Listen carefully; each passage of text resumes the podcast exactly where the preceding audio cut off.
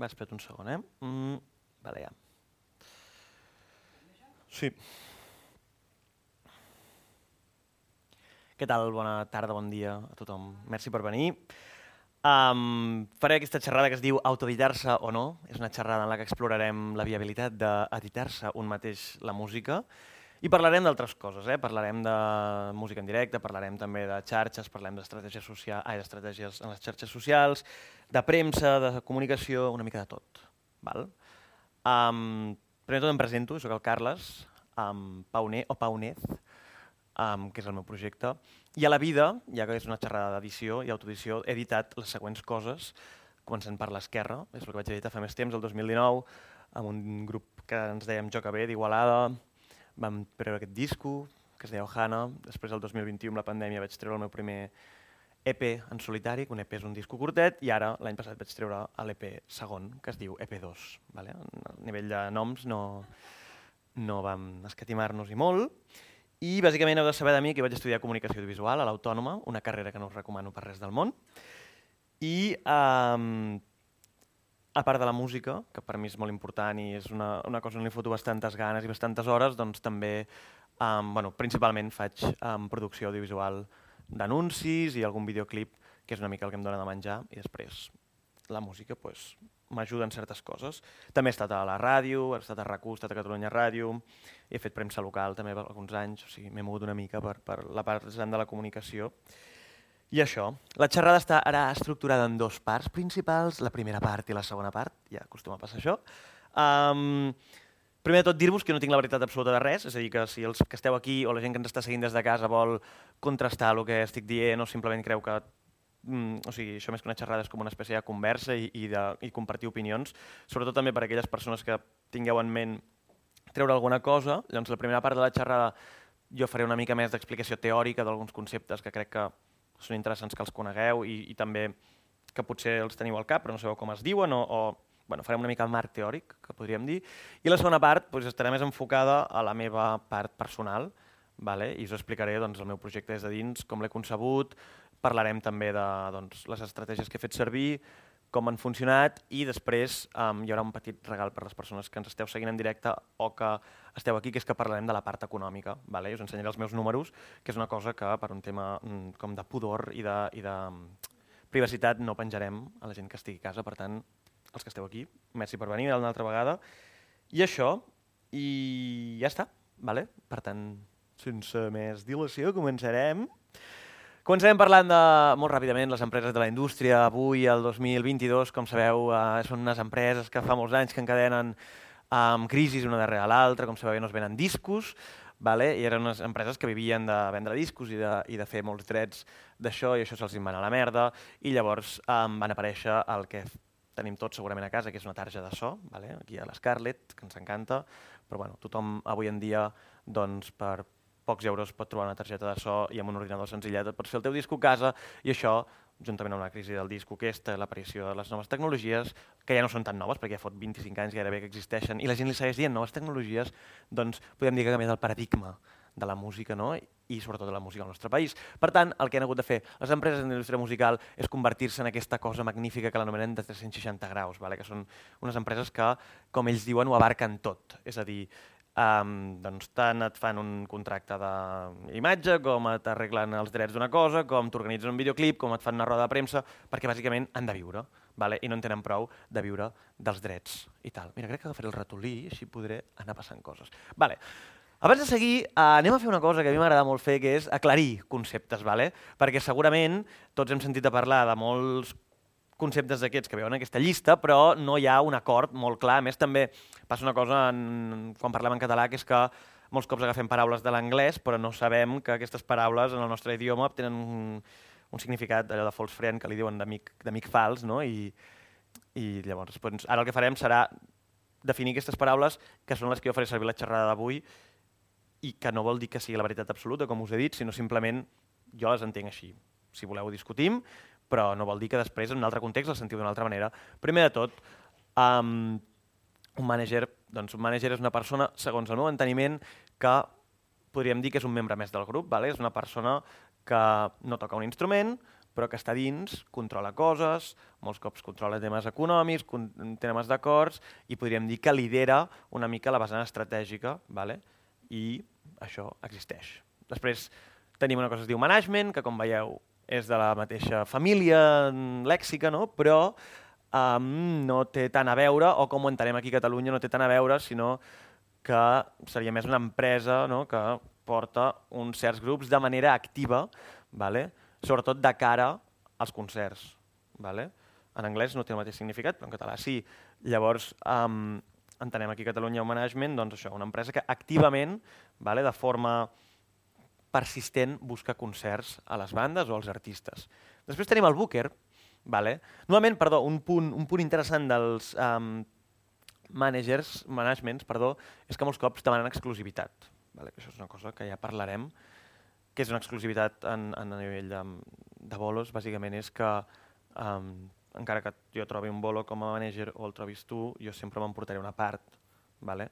Que això potser d'entrada ens una mica raros com a artistes, però després hi penses una mica i té bastant sentit, que és que clar, doncs, potser ha invertit en tu en certa manera, ha posat pasta o ha invertit en promo o en el que sigui. Llavors, jo amb els anys cada cop ho veig ben raro, però quan era més petit ho veia més estrany. No ho sé.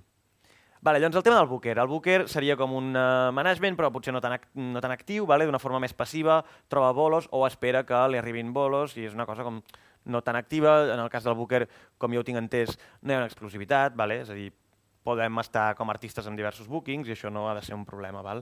I doncs, doncs cadascú deu cobrar el seu percentatge. No he treballat mai en un booking, llavors tampoc sé exactament com, com funcionen. Seguim una productora, una productora d'esdeveniments, vale? um, és bàsicament una agència, una empresa, un ens que es dedica a, a produir coses, vale? a fer que passin coses diferents d'un productor, d'un estudi de producció musical, vale? que en parlarem al final de tot. Un promotor vindria a ser el mateix, és a dir, concerts a demanda, concerts, per exemple, doncs jo com a professional de la música, tinc entès que en aquest determinat sector mm, regional s'escolta molt aquest artista i no ha tocat mai, o fa cinc anys que no toca, doncs jo com a promotor mm, trucaré a aquest artista, li llogaré una sala i posaré les entrades a aquest preu i faré un negoci. Vale? Això està molt bé, perquè collons, la indústria, no ens hem, ai, la música no ens hem d'oblidar que també volem que sigui una indústria, si volem viure d'ella, per tant és interessant que passin aquestes coses, val? No, no ho veiem com un problema, o jo no ho veig com un problema. Agent de zona, seria per mi com la figura del booker, però encarregant-se d'un sector territorial. Val? Llavors seria com um, una persona que té bons contactes amb certs ajuntaments, o amb certs programadors, o amb certs regidors de cultura, o potser amb certs cicles de doncs, el Maresme o el que sigui. Ara ja fa temps que no hi estic, però feia una època, fa uns anys enrere, estava més posat amb el tema de festes majors i per la zona de Lleida, per exemple, doncs, sabia que funcionaven bastant així, no sé com ho ha deixat això la pandèmia actualment. I um, bueno, anem al tema que és discogràfica, que en parlarem bastant avui. Una discogràfica doncs, um, és una empresa que, com hem dit, s'han hagut de reinventar bastant, és una empresa que principalment, com diu la paraula, venen de fer discos, però que no tant, no té per què i cada cop més menys. Vale? Venen de fer discos i sobretot venen d'una cosa que són els drets, que també en parlarem una mica per sobre, tot i que aquesta no és una xerrada de drets, però és bastant interessant parlar-ne, trobo. Un segell, molts cops segell i discogràfic es fan servir com a sinònims, per mi la definició és com que un és un hipònim i l'altre és un hiperònim, no sé com es deia això. Bàsicament, per mi un segell sempre està dins una discogràfica, és a dir, és com una, mm, com una subtrama d'una discogràfica. Per exemple, m'agrada comparar-ho amb els llibres de, de, de, no sé si llegiu, Bueno, no, bueno, no, no, en plan més, jo què sé, la, la... No, però la Galera, que és una editorial, pues té, té um, col·leccions. Vale? Doncs potser hi ha un segell, hi ha una, una discogràfica gegant, no? i després tens un segell de música més índia, un segell de música més alternativa. No? Doncs seria una mica, per mi, aquesta la lectura. Una agència, la llegeixo com una agència de premsa, una agència de publicitat, una agència de promoció, una agència de branding, branding vol dir marca, és a dir, són serveis que tu contractes. Vale? Llavors també en parlarem una mica. I finalment un estudi de gravació o un productor doncs, musical, en aquest cas, doncs, suposo que sabeu el que és, que és una persona, un professional que es dedica doncs, a la part més artística i tècnica de, de la gravació sonora. Vale? Llavors, tots aquests actors i totes aquestes paraules són les que jo estaré fent servir al llarg d'aquesta xerrada, que més o menys durarà una hora i mitja. Esperem. Um, jo aquí tinc apuntat que no us facin por aquests conceptes ni respecte, perquè jo recordo que a mi al principi em feia com molt respecte a tot això i és com que quan llegia una cosa d'aquestes no... És com que em feia una espècie de doncs això, respecte. No tingueu por en, en investigar. O sigui, entreu a webs, pregunteu, mireu i sobretot això, que són conceptes que molts cops uns són sinònim d'altres. Vale? vale, perdó, che. Primer de tot, llavors, um, clar, és que clar, Comencem pel principi. Què necessitem si volem autoeditar-nos, vale? que és realment l'objectiu d'aquesta xerrada? Doncs el que necessitem principalment és un producte, perdó, un projecte. Vale? El projecte. Jo li poso aquesta rodona perquè és el, per mi el punt de partida, vale? és un punt de partida. Um, un projecte pot respondre a inquietuds artístiques, purament artístiques, és a dir, buah, jo ara mateix se m'ha il·luminat aquí la Verge Maria de, de, de Montserrat, no? que la tenim aquí a Manresa, i m'ha dit que he d'escriure aquestes cançons, no? que he de fer aquest projecte, endavant. O per un interès purament industrial, de dir, jo que sóc una persona mercantilitzada que sé perfectament que mm, en aquest territori no s'està escoltant gens de trap, doncs vaig a crear un projecte de trap això ens agrada molt fer-ho aquí a Catalunya, en plan, hòstia, Anglaterra es porta molt eh, tal estil de música, no? Doncs el mateix en català, no? I ja està. I, doncs, bueno, pot, pot pot néixer d'aquí no? un, un, un projecte. Um, pot estar creat per una persona o per moltes, pot ser això una cosa espontània, pot ser una cosa molt ben mesurada, però el que està clar és que hi ha d'haver un projecte i hi ha d'haver com certes inquietuds. És a dir, que el projecte ha de tenir alguna tipus d'ambició. Vale? Llavors, si el projecte vol editar o autoeditar, que és el que estem veient avui, necessita un producte. Vale? jo us he posat un pot de Nivea. Per què us he posat un pot de Nivea? Ara em sap greu que el Bernat marxi, perquè justament aquí ens estàvem tenint una conversa d'això. Perquè un pot de Nivea, tio, és un producte realment, o sigui, no ens podem oblidar de que, de que això doncs, està al súper i això, o a la farmàcia, on ho compreu, i ho pots comprar i això és tan vàlid com un disco. Vale? Podem entrar en que un disco és molt més transcendental, plorem amb els discos i amb la crema de Nivea, doncs potser hi ha gent que plora, però jo no. Bueno, si t'has cremant molt el sol i et fots crema, doncs a vegades plores de lo bé que s'hi està, no? Però vull dir que no hem de perdre de vista que el que estem fent és un producte i no, té per, no hi hem de per què guanyar diners, eh? però vull dir, és un producte, no ens oblidem d'això. És comercialitzable i fins i tot s'especula amb els productes i amb els catàlegs d'artistes, vull dir que això és una cosa que veurem.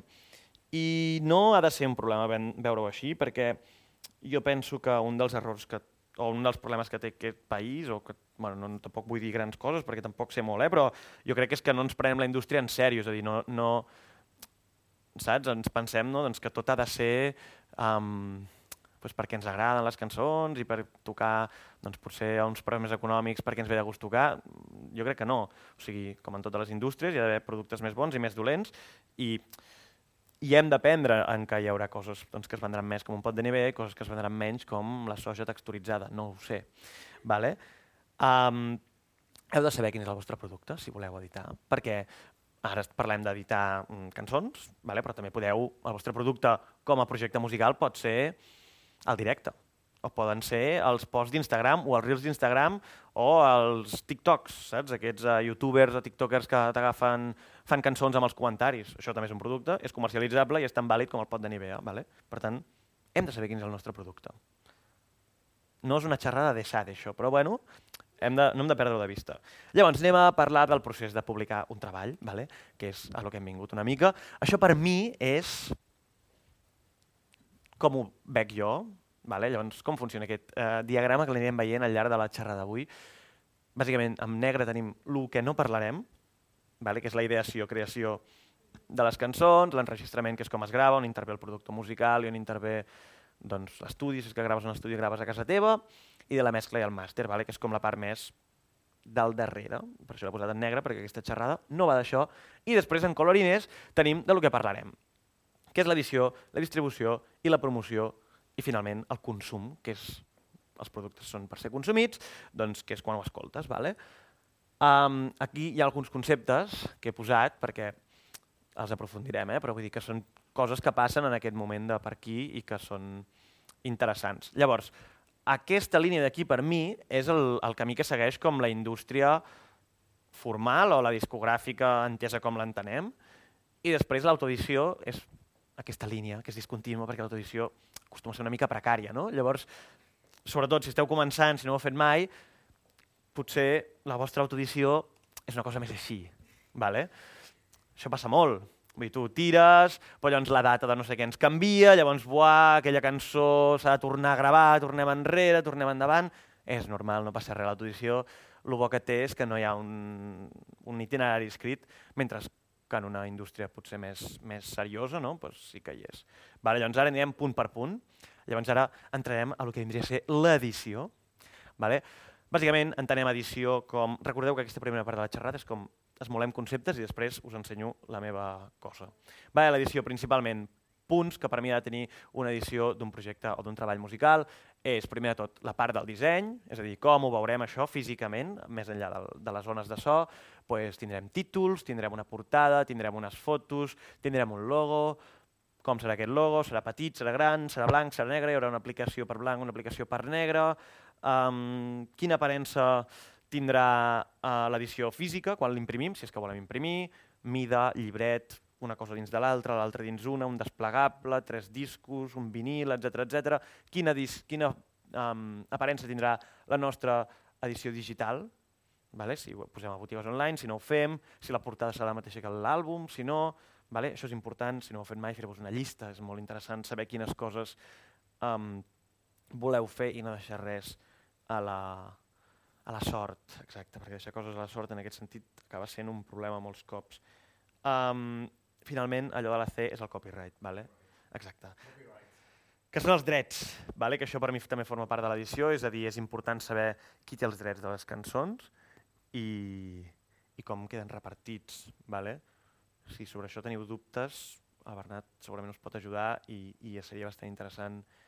Um, bueno, per internet hi ha molta info d'això, vull dir, també heu de saber que cada país és diferent, llavors a vegades potser trobeu un canal de YouTube que parla de coses d'altres països o d'altres moments, perquè són legislacions que van canviant, tot i que en veritat no han canviat molt des del segle XIX, però bueno, ho podem... En parlem una mica, eh? vull dir, principalment el que vull dir és que en aquest, en aquest aspecte la autoedició en general està molt desdibuixat, tot això, vale? perquè es va fent molt a trompicones, és a dir, hòstia, hem de penjar-ho a Spotify, buah, ens cal una portada, buah, pues, uh, no sé què, pues fem una foto, vull dir, Llavors crec que és molt interessant ser conscient d'aquestes quatre coses, que tenen subcoses a dins, i apuntar-nos-ho i saber en quin moment farem què i qui s'encarregarà de què. Vale? Um, és guai. Llavors, parlem una mica de drets, us faig un petit spoiler si mai heu publicat res, que és que els drets uh, o les lleis dels drets estan encarades a blindar els beneficis dels distribuïdors o les discogràfiques i no a protegir l'artista que això és una sorpresa, no? que no ho sabíem. Doncs és important, vale? perquè um, realment tot té drets avui en dia, vale? mm, drets d'autor, drets de màster, drets d'imatge, els logos poden tenir drets, les veus poden tenir drets, és a dir, uh, jo que sé, conec artistes que a la seva discogràfica els ha fet firmar mm, un dret de la seva veu i després aquesta persona ha volgut doblar un personatge a la tele i li han dit no pots doblar-lo perquè la veu és ens pertany a nosaltres, la teva veu. Què és el més, vull dir, em sembla legitíssimíssim del món, evidentment, però llegeix els contractes abans de firmar-los. Les marques també tenen, també tenen drets, és a dir, tot pot tenir drets, vale? per alguna raó, però hem de pensar que els drets sempre aniran a afavorir el que més té, saps? Llavors, per això és important saber que tot té drets i anar amb cuidado amb les coses que tenen drets. Pues, per exemple, el teu nom del grup o de l'artista o de la banda té un dret, vale? i tu el pots inscriure al teu registre, al registre de propietat intel·lectual o industrial, i això és una cosa que es recomana fer en bandes, perquè pot venir una persona i per casualitat registrar el mateix nom, o pot venir algun mala intenció que passa i registrar el nom de la teva banda o registrar el teu logo, i legalment a vegades és molt difícil demostrar aquestes coses. Vale? Llavors, el meu consell en aquest aspecte és que us assessoreu sempre, sobretot. No us faci por pagar 60 euros o 70 per un advocat és el mateix que val un psicòleg, més o menys, i t'estalvia molts traumes. Us dic de veritat. Um, jo tinc algun contacte també, si necessiteu ajuda, um, tant de temes com més musicals com de temes més de propietat intel·lectual. Um,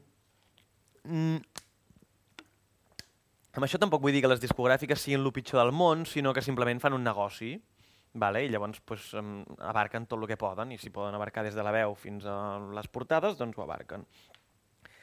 Però que en vigilem, perquè la, la, la ignorància en aquest sentit ens va eh, en contra. És com els restaurants italians, per exemple, que no t'avisen i et cobren el coberto, saps? I després agafes el compte i dius, collons, això, això no m'ho esperava, que cau un dot. Vale? Llavors, això és l'edició. Seguim. Uh, anem a parlar de la distribució, vale? el procés magnífic de la distribució, que és el blau aquest d'aquí, que principalment jo l'entenc en tres coses, venda física, venda online i botigues digitals. Vale? Um, fins i tot es pot vendre a empreses privades, és a dir, jo puc fer una cançó i vendre-la doncs, al Carrefour perquè la posin o vendre-la a, a qui sigui. Vull dir que les cançons són un bé i, o perquè faci una campanya, m'explico, etc etc. Podem distribuir a través de Spotify, com veiem. És un procés que no avui en dia no el podem gestionar molt nosaltres mateixos si ens estem autoeditant, però sí que és cert que a mesura que avancen els anys doncs cada cop hi ha menys intermediaris o hi ha mètodes perquè hi hagi menys intermediaris. Vale? Llavors també l'objectiu d'aquesta xerrada és que jo us explicaré, um, com heu vist al principi de tot, jo dels, dels discos que vaig fer, aquest el vaig autoeditat, que és l'últim que he fet, aquest el vaig fer una discogràfica que és molt do it yourself, que es diu Microscopi, i aquell, el primer que vam fer amb el grup el vam autoeditar també. Per tant, he fet una mica les dues coses, saps? Um, I llavors pues, explicaré una mica la diferència i també us diré que treballar en discogràfiques té coses bones, vull dir, no tot és dolent. Um, bueno, mm, les eines, veurem quines eines hi ha per autoeditar-se també una mica i um, anem a veure una mica en profunditat com és el tema de les botigues digitals i uh, Spotify en general o com funcionen. Vale? Um, hi ha una cosa que són les plataformes, que és el que tindríem a dalt. Plataformes les entenem com des d'Apple Music, Spotify, Amazon Music, si existeix, etc etc. Fins i tot són plataformes Instagram, TikTok, YouTube, vale? per què són plataformes de música també? Bueno, YouTube és més evident perquè ara té el YouTube Music aquest, no? però um, perquè quan sona la nostra cançó o una stories d'Instagram també està generant drets i també és una cançó que la gent està escoltant a casa seva, no ho oblidem, per molt que sigui un vídeo xorres. Vull dir, és un, el nostre producte, la nostra crema se l'estan posant. Llavors, és important que ho sapiguem això. Com funciona això a nivell comercial? Doncs representa que les plataformes, és a dir, aquestes empreses, aquestes webs, aquests, aquests portals, tenen contractes amb agregadores. Vale? Les agregadores serien, si hem dit que abans els segells eren submarques o subcoses de les discogràfiques, doncs les, les discogràfiques al seu torn estan agrupades dins de contractes milionaris i molt més superiors a les agregadores, que al món jo diria que n'hi deu haver entre 5 i 10, no sé, alguna cosa així. Vale? Llavors, què vol dir això? Que, per exemple, jo puc estar amb una discogràfica i un altre està en una altra discogràfica, però com que estem dins la mateixa agregadora, cada cop que sonem a Spotify cobrem el mateix, perquè aquesta gent firmen un pacte entre ells i per cada artista que soni a Spotify et cobraré 0,0003 cèntims, vale? I dius, perfecte. O per cada cop que soni a Instagram, vale? vull dir, sí, és, és absurd això, però, però heu de pensar que tot això ho tenen monetitzadíssim i ho tenen miradíssim al mil·límetre. Hi ha robots que es dediquen tot el dia a escoltar tot arreu i saber el que sona a tot arreu. Llavors, eh, és guai. Què passa no? amb, amb l'aparició de noves eines com bueno, diversos portals que ens permeten um, penjar-nos la música nosaltres mateixos sense haver de passar per una discogràfica tradicional.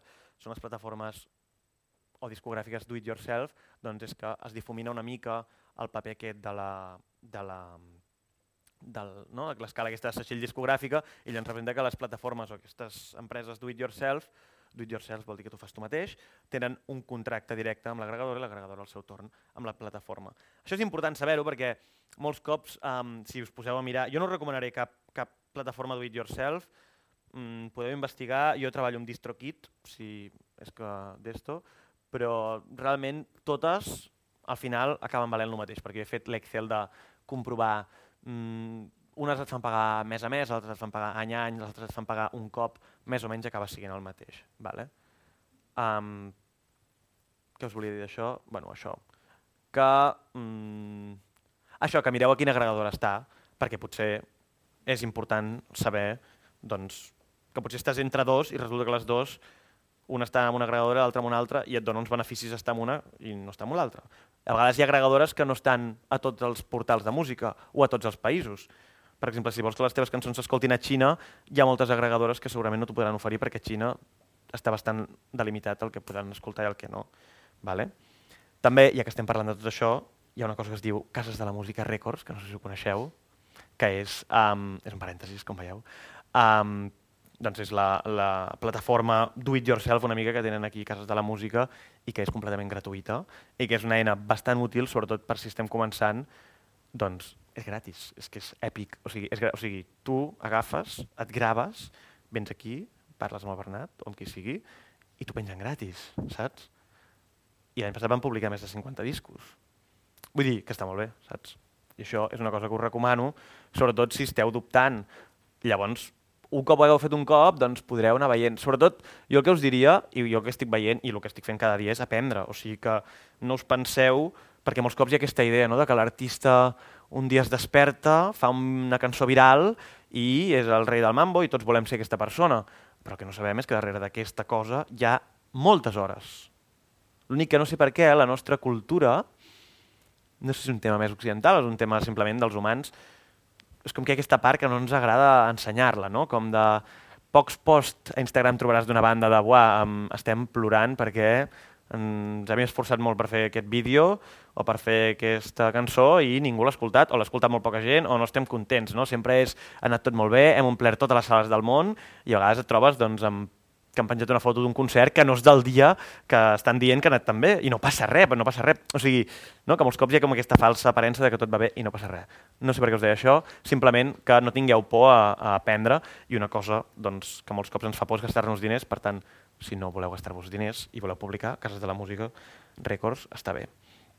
Seguim, estàvem al requadro um, blau, parlant de la distribució, ja sabem amb qui ho distribuirem, vale? en la nostra cadena autoeditativa, i um, anem a fer la promoció, perquè això... O sigui, com us deia, l'autoedició realment tu pots anar fent tots els passos i, i no anar al següent, perquè tu pots editar-te el teu disco, fer-te una portada preciosa i guardar-lo en calaix. Pots distribuir el teu disco, portar-lo a les botigues de discos o fins i tot penjar-lo a internet i no avisar a ningú. Vale?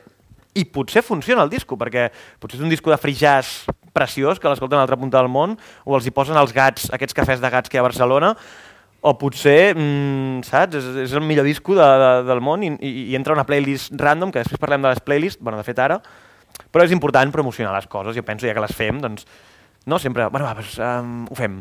Però és important saber que haurem de fer la promoció, perquè molts cops el que passa és que anem un pas endavant només. És a dir, quan estem fent la mescla ja pensem en això i no pensem en que després haurem de promocionar, per tant hem de reservar energies, per tant sapiguem que hem de fer una promoció.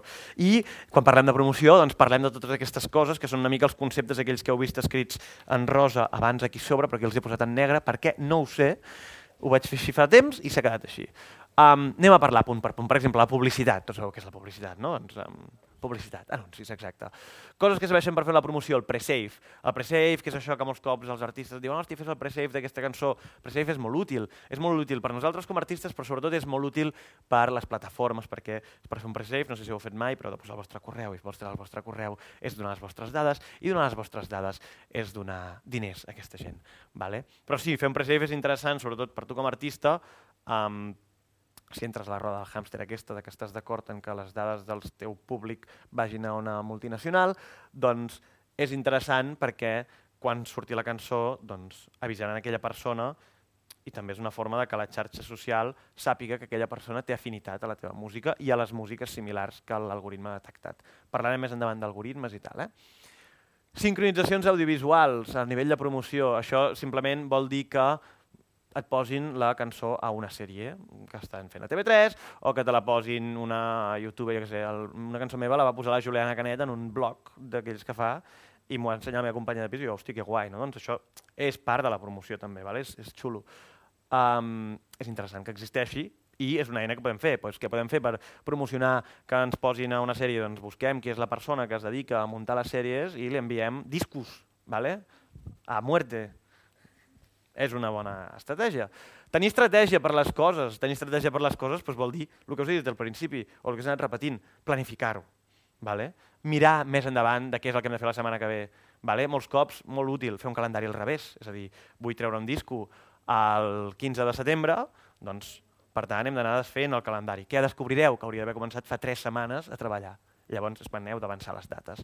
També us dic una cosa i una frase que a mi m'agrada molt, la faig servir més en producció audiovisual, però música també m'agrada dir molt, que seria en plan, estem fent discos, no estem salvant vides. És a dir, no, us ho dic de veritat, jo ho dic molt, en plan, en anglès també ho diuen molt, que estem fent pel·lícules, no estem salvant vides. És important, perquè molts cops, sobretot si treballeu en grup, no? és com que quan traiem una cosa és com que s'acaba el món. No fa falta matar-se, tranquil·litat. O sigui, no, jo, jo sóc el primer, eh, que sóc un tio molt orgullós i em costa molt acceptar que pues, no hi arribem, ho posposem dues setmanes i ningú està esperant la nostra cançó. Ningú l'està esperant, segurament. Potser sou molt famosos i sí. Emplaçament de producte, um, bueno, que la vostra cançó soni com a part d'una promoció um, d'un producte. Pues ja pot ser una crema de Nivea que posin la vostra cançó de fondo, és interessant, ens ajuda a la promoció. Videoclips funcionen, perquè ens ho mengem tot per la vista, ja poden ser videoclips eh, de YouTube, videoclip d'Instagram, o no cal que sigui un videoclip amb un argument, simplement pot ser un videoclip de, doncs de, de, no sé, d'una persona mirant a un riu i ja està. Jo què sé, hem vist de tot, hem vist um, gent escoltant música amb auriculars i movent el cap al ritme de la cançó, lyric videos, etc etc. Teaser, que és un teaser, pues és com un tràiler, que el tràiler és com el de les pel·lis, no? però teaser jo l'entenc, bueno, s'entén com és un tràiler per la indústria, és a dir, és un tràiler en el que no has de tenir ganes de veure-ho, sinó que has de suposar que ja ho has vist. Un, un teaser ens serveix, per exemple, per promocionar la nostra música de cara a discogràfiques o de cara a mm, indústria. Vale? Pues seria com ensenyar, podem fer un vídeo amb els talls, millors talls de les cançons o amb els millors talls del videoclip i les cançons per promocionar la nostra d'esto. Una coreografia, TikTok, no? es fa molt això de les coreografies, interessant, també serveix. Imagina't que la teva coreografia es fa viral, tens molta promoció, fer una roda de premsa, que és el que foten els futbolistes, i també es fa música. Això serveix bastant per mitjans, vale? doncs, si volem que vinguin mitjans, doncs els convidem a una roda de premsa, els hi posem uns canapés, traiem una ampolla de cava i els mitjans potser escriuran bé del nostre disco i serà molt millor que enviar-los el disco a la redacció. Després parlem una mica més de premsa i de, i de promoció com a tal. Vale? Podem fer un bolo de presentació, doncs, anem aquí a l'Estroika, omplim les 1.200 persones que hi caben i fem un valor de presentació, si ho podeu fer, és ideal. Um, fem campanyes, bueno, doncs empaparem una cosa, pintem una altra cosa, campanyes, acció. Intentem crear públic, és interessant perquè si creem públic, doncs el nostre disc es promocionarà millor. Com creem públic? Això és un altre tema. La xerrada és d'autodició, no de creació de públic. Um, fem un calendari, el que us deia abans, fem un pla de mitjans, un pla de mitjans vindria a ser com un calendari específic només pels mitjans, és a dir, um, pues, a la ràdio del meu poble i aniré a parlar un dia i l'endemà trauré una cançó i serà espectacular perquè la gent després d'escoltar l'entrevista dirà uah, demà surt la cançó. Bueno, doncs pot estar bé.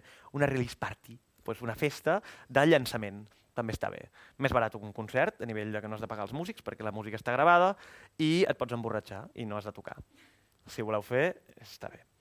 Um, anem a parlar una mica de les plataformes. Bueno, a nivell de creació de públic, um, volia fer un èmfasi en el Pony Pissador, que és un grup que no sé si el coneixeu, vale, que està molt bé com a creació de públic, dir, una gent que han aconseguit transcendir més enllà de la música pròpiament no? i han creat un exèrcit de persones que fins i tot els hi paguen doncs, per al contingut que generen i una altra vegada més doncs, es dona a veure que un grup de música, que és com es deuen definir ells, doncs no té per què ser un grup de música com a tal i que el seu producte potser no és la música, sinó que és més potser l'entreteniment que ofereixen. No?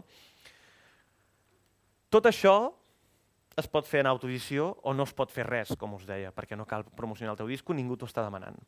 Vale, anem a parlar de les plataformes. Un altre spoiler d'aquests. Les plataformes no volen ajudar-te, volen fer diners. Uau, no ho sabia.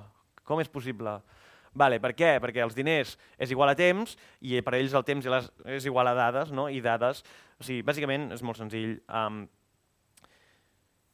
quan més estona t'estàs en l'aplicació, més informació sobre tu tenen, i més uh, dades sobre tu tenen, i més um, diners poden generar gràcies a la publicitat, més et coneixen. És a dir, quan tu estàs navegant a Spotify i passes una cançó, el que li estàs dient a la plataforma és aquesta cançó no m'agrada, per tant, Spotify dirà, ah, que bé, doncs aquestes cançons no te les recomano perquè jo el que vull és que t'estiguis al màxim temps amb mi i ens passem el temps junts. No sé si heu vist, per exemple, que YouTube des de fa mig any ha canviat molt l'algoritme, no sé si us passa que us recomana vídeos que ja heu vist, molt sovint, que dius, però per què m'està recomanant vídeos que ja he vist?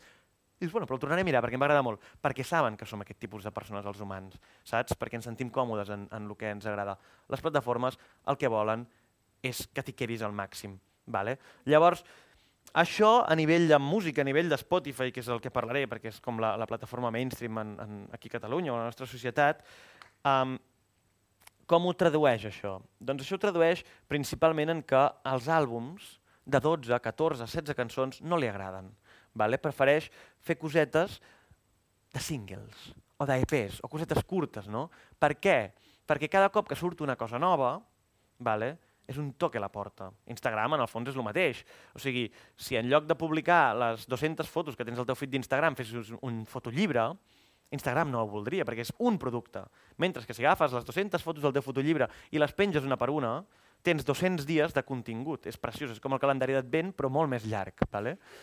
I realment és el, que, és, el, o sigui, és el que busquen aquestes plataformes. Llavors, hem de ser conscients, si volem autoeditar-nos, que Spotify premia les coses que venen de un en un. I com ho fa això? Doncs ho fa principalment a través d'una cosa que es diu pitch, vale? que després... Bueno, aquest cop no tinc cap cançó um, a punt de sortir, però algun cop que he fet alguna xerrada tinc una cançó a punt de sortir, llavors és interessant perquè podem veure fer el pitch. Bàsicament el pitch simplement és, tu tens una cançó que ja l'has passat a cases de la música i te l'han penjat a Spotify, com si diguéssim, i dius, vull que surti tal dia. Nota mental, si voleu penjar una cançó a Spotify, mínim dues setmanes. És una cosa important a tenir en compte. I si podeu un mes, millor. El pitch s'ha de fer una setmana abans, però quan, si la feu mes abans encara millor. Vale? I llavors el pitch representa que és un lloc on tu abans que surti la teva cançó, expliques una mica de què va, marques quins gèneres creus que és, etc etc. i llavors hi ha una persona humana que decideix si aquesta playlist, ai, si aquesta cançó es mereix estar a una playlist editorial o no. Això ens porta a parlar dels dos tipus de playlists principals que trobem a Spotify i a les principals um, plataformes de música en streaming, que són playlists algorítmiques i playlists editorials. Playlists algorítmiques, comencem per les editorials, perdó, playlists editorials hi ha aquí un gràfic i un llapis, no sé si té molt a veure amb el que és editorial, no sé, però el logo aquest m'agradava. Bàsicament, editorial vol dir que hi ha una persona, vale? el Paco, a Spotify Madrid, que està assegut en un ordinador i cada dia li arriben pitches, és a dir, li arriben propostes vale? de um, cançons. Nota, el que us he explicat del contingut d'un Spotify, si tu treus un àlbum de 100 cançons, només pots fer el pitch d'una. Vale? Això és important. Per això cada cop veiem més artistes que treuen un disco però ja han sortit set cançons del disco i dius, bueno, no és un disco perquè ja les set ja les he escoltat, les tres que faltaven, mm, ok, però ara potser entenem algunes coses. No? Va, llavors, plataformes de playlist editorials són aquelles que, com us dic el Paco, està allà i diu, mm, això sona a cafè por la mañana en el sol, i t'ho posa en aquella playlist. O això sona més, no és així, eh? O això sona més a mm, una puta merda i la borra, m'explico? O això sona més, ah, és català, és punk en català, doncs pues a la playlist de català. O és el Ferran Palau en català, també a la playlist en català, que és que és un altre tema que tenim el problema, que és que la música en català és tot una bossa, no? I ara ens han promès l'Spotify en català, molt bé, està funcionant, ara faltaria que la música en català, que estàs escoltant el petit, i de sobte et salta xarango, que dius, home, m'agrada molt xarango, però ara no és el moment, saps? Llavors, Playlist editorial les fa una persona. Playlist algorítmiques les fa un algoritme. Vale? Un algoritme és una funció... Mana'm? Exacte, per a ti. És una funció matemàtica, en el fons, que aprèn de tu. Vale? O sigui, a través de l'intel·ligència artificial, doncs aquest algoritme va aprenent i sap el que t'agrada i què no. Objectiu de l'algoritme, que et quedis màxima estona escoltant i consumint, perquè, com dèiem, les plataformes el que volen són les teves dades, volen els teus diners, volen el teu temps. Vale? Um, quan tu no pagues pel producte, el producte ets tu. Això, molt evident, però ens ho hem d'aplicar més. Llavors, amb plataformes algorítmiques, ai, playlists algorítmiques, hem de saber això, vale? que es generen soles. Com és interessant um, la, com es funciona això a Spotify? Doncs a través d'artistes relacionats, funciona molt. També com us dic, és un algoritme que aprèn i aprèn d'usuaris que tenen un perfil similar al nostre. Per exemple, si jo i ella escoltem els dos el mateix artista i jo escolto molt un altre artista, doncs és probable que ella li recomanin aquest altre artista. Vale? I llavors s'acaben creant com una espècie de guetos vale? que en el cas de la música catalana són encara més guetos perquè... Mm, no, però és veritat, no, o sigui, serà difícil trobar un grup en català que faci punk, que tingui altres grups de punk al seu, al, al, al seu desto d'artistes relacionats, saps? Probablement tindrà artistes en català, que això és una cosa molt rara, perquè si estàs escoltant punk i t'encanta el punk, pues, vols escoltar punk, no... O sigui, tant te facis en anglès o en francès o en alemany, o per, per mi, no sé. Vale? Um, llavors, com us he promès, parlarem, uh, deixem enrere el tema de uh, playlist i tal, no marxin de casa, vale? Vull dir, no, no se vayan de sus pantalles, perquè més endavant entrarem al meu Spotify Artist i veurem com és per dins, vale? i així entendrem algunes coses. I em sap greu no tenir res a punt de publicar, perquè seria molt... L'altra vegada que vaig fer aquesta xerrada, l'explicava abans el Bernat, vam fer entre tots el pitch del meu tema, que va estar a Indicat, vale? que és com el màxim que pots aspirar ara mateix, si ets català, a alguna playlist editorial, doncs és aquesta Indicat, vale? que és una playlist de música en català. Comunicació. Um, comunicació... El que us explicava abans dels mitjans, bueno, bàsicament heu de saber que hi ha mitjans tradicionals, teleràdio, premsa, vale, escrita, i noves xarxes, que ja no són noves perquè fa molts anys que són, però li seguim dient noves perquè som així. Um, principalment, no sé si coneixeu el, el concepte target i el concepte públic objectiu, vale? són eines molt útils, tu ja com que fas comunicació suposo que ho saps molt, però bàsicament eh, és una cosa molt útil que si no esteu familiaritzats amb aquests conceptes és interessant conèixer-la, és a dir, um, nosaltres quan fem cançons o quan tenim un producte, vale? parlem més de producte que de cançons, perquè no tens, quan fas una cançó no tens per què saber-ho, de fet és molt recomanable no fer-ho, penso jo personalment, però si tens un producte és interessant saber com és el teu consumidor perfecte, és a dir, has de ser capaç de dir de quin color té les sabates el teu consumidor del producte, vale? has de saber mm, quins auriculars porta, quin mòbil fa servir, mm, on estudia, m'explico, si és que estudia... Llavors, per què ens és útil això? Pues perquè si volem fer promoció hem de saber on trobar-lo. Què vol dir això, per exemple? Que si el nostre potencial client, client, consumidor del nostre àlbum, um, és un tio que no té auriculars perquè escolta la música amb el mòbil quan es dutxa, perquè estem fent un trap així molt urban i se'l posen per anar pel carrer amb el patinet, doncs no cal que ens gastem 200 pavos en un màster, perquè total l'escoltarà amb un mòbil de 100 euros amb uns altaveus patats. No us ho dic en sèrio, potser és millor que ens gastem, el, potser és millor que ens gastem la pasta en fer unes samarretes tomolones i contractem un dissenyador de la parra i tindrem més bona promoció, vale? farem més bona comunicació. És important saber quin és el nostre públic objectiu vale? i hem de saber com és. I llavors, si volem, fem una campanya de comunicació. Vale?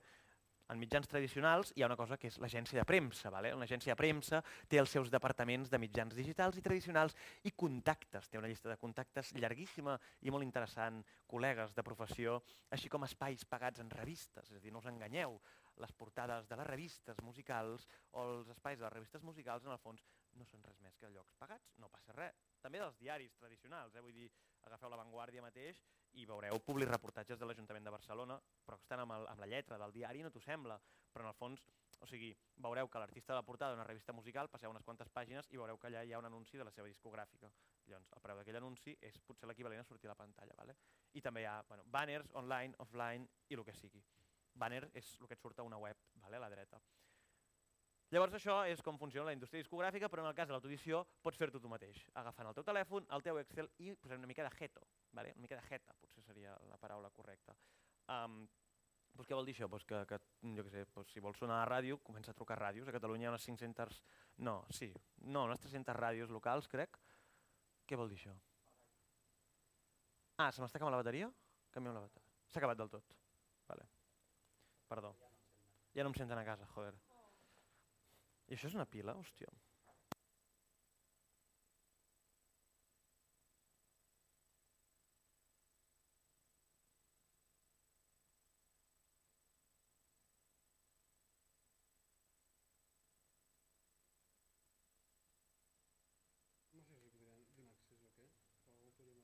Ja.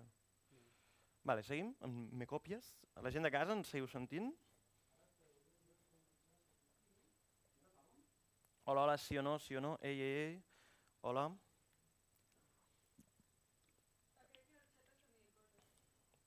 Sí, eh, sí, eh, eh, em senten, guai. Doncs seguim. Um, també hi ha una eina que existeix aquí, que és el mailing, que bàsicament és el que us envien les cases de la música, no sé si us rebeu, que és en plan, fem aquestes coses, no sé què, doncs les discogràfiques, exacte, ho fan servir molt. MailChimp és, per exemple, l'aplicació per excel·lència d'enviar mails, i això bueno, és publicitat, és l'equivalent a que t'enviïn el folleto del súper a casa, doncs en lloc de sigui la bústia de casa és la bústia del correu. Um, es segueix distingint molt entre mitjans tradicionals i, mitjan, i, noves, i noves plataformes. Això, bàsicament, és la meva opinió personal, crec que és per un tema de dinosaures. Dinosaure, què és un dinosaure? És aquella persona que porta la indústria moltíssims anys, tants anys que és el puto amo, però això no és un problema, en plan, simplement conèixer tothom, vale? i més a Catalunya, que és un país molt petit. Llavors, com que hi ha dinosaures, el que acaba passant és que hi ha coses que no es toquen i no es mouen perquè sempre s'han fet així.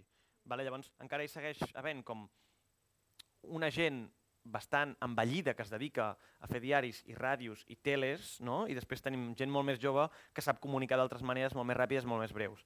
Jo crec que això en els propers 5-10 anys serà un dels canvis més notables que veurem, que ja els veiem, perquè per exemple doncs el 324 et fa reels d'un minut no? i te'ls tragues, però encara segueix existint el 324 com a tal. No? Doncs hi haurà un moment en què això s'ajuntarà. De fet, parlant del 324 hi ha un pla de la Corporació Catalana per, per ajuntar, o sigui, perquè els mitjans digitals no siguin una cosa extra i que vagin junts. Bueno, te'n fa. Funcionaris. Seguim. També pots fer anuncis com s'han fet sempre. Pues sí, pagues una pantalla publicitària, això ho hem vist, vull dir, Zetangana ho va fer allà a la plaça del Sol de Madrid, a Rosalia també ho hem vist que ho, fer, que ho fa, mm, quan treuen un iPhone també ho fan, i els hi funciona, i tal. Després, també, una cosa que és bastant interessant, si us interessa el món de la publi, d'anuncis i tal, és els motors d'anunciants, vale? que eh, no res més que en lloc, el que hem vist abans, el cartell aquell al mig del carrer, pues, en lloc de fer-ho al mig del carrer, fer-ho en webs. Vale? Les webs, en molts cops, el que fan no és que tinguin publicitat directament, sinó que deixen com un espai i diuen aquí n'hi ha publicitat i aquest espai truquen, bueno, truquen a Google, no, ens insereixen com una pantalleta de Google i Google allà hi posa els anuncis que vulgui. Vale? Llavors, el que hem de saber també és molt interessant, que és que nosaltres com a navegadors tenim una ID de client que anomenen les xarxes, que seria com el nostre DNI de navegador. És a dir, la nostra IP associada al nostre, a la nostra resolució de pantalla, associada al navegador que fem servir, això té un codi únic, vale? i després um, quan nosaltres entrem a una pàgina, és allò que ens passa sempre, no? que estem buscant vols per anar a Tel Aviv i després estàs mirant una altra cosa i et surten vuelos a Tel Aviv. Pues això és perquè tu has donat la teva idea de client d'una forma sense voler. Si esteu interessats en bloquejar-la com a usuaris, hi ha extensions que ho fan, de Chrome mateix, però heu de saber que això existeix i nosaltres, si hem de vendre un producte, doncs ens interessa saber aquesta eina i és interessant perquè si volem fer una campanya, potser en lloc de gastar-nos 500 pavos, el que us deia abans, en fer un màster, un mastering de la nostra cançó, potser ens interessa més fer una campanya de, de, de Google Ads, que és el, el, el, servei de Google, tot i que n'hi ha molts altres, eh? però és com el, el principal, doncs potser ens interessa més fer això i si va, fem música folk, doncs ens posem a pàgines de, no sé, la gent que escolta folk, doncs, el meu cap és la mateixa gent que compra arbolisteries, doncs arbolisteria online, i allà cardem el nostre anunci amb el violinet i, i puta mare, saps?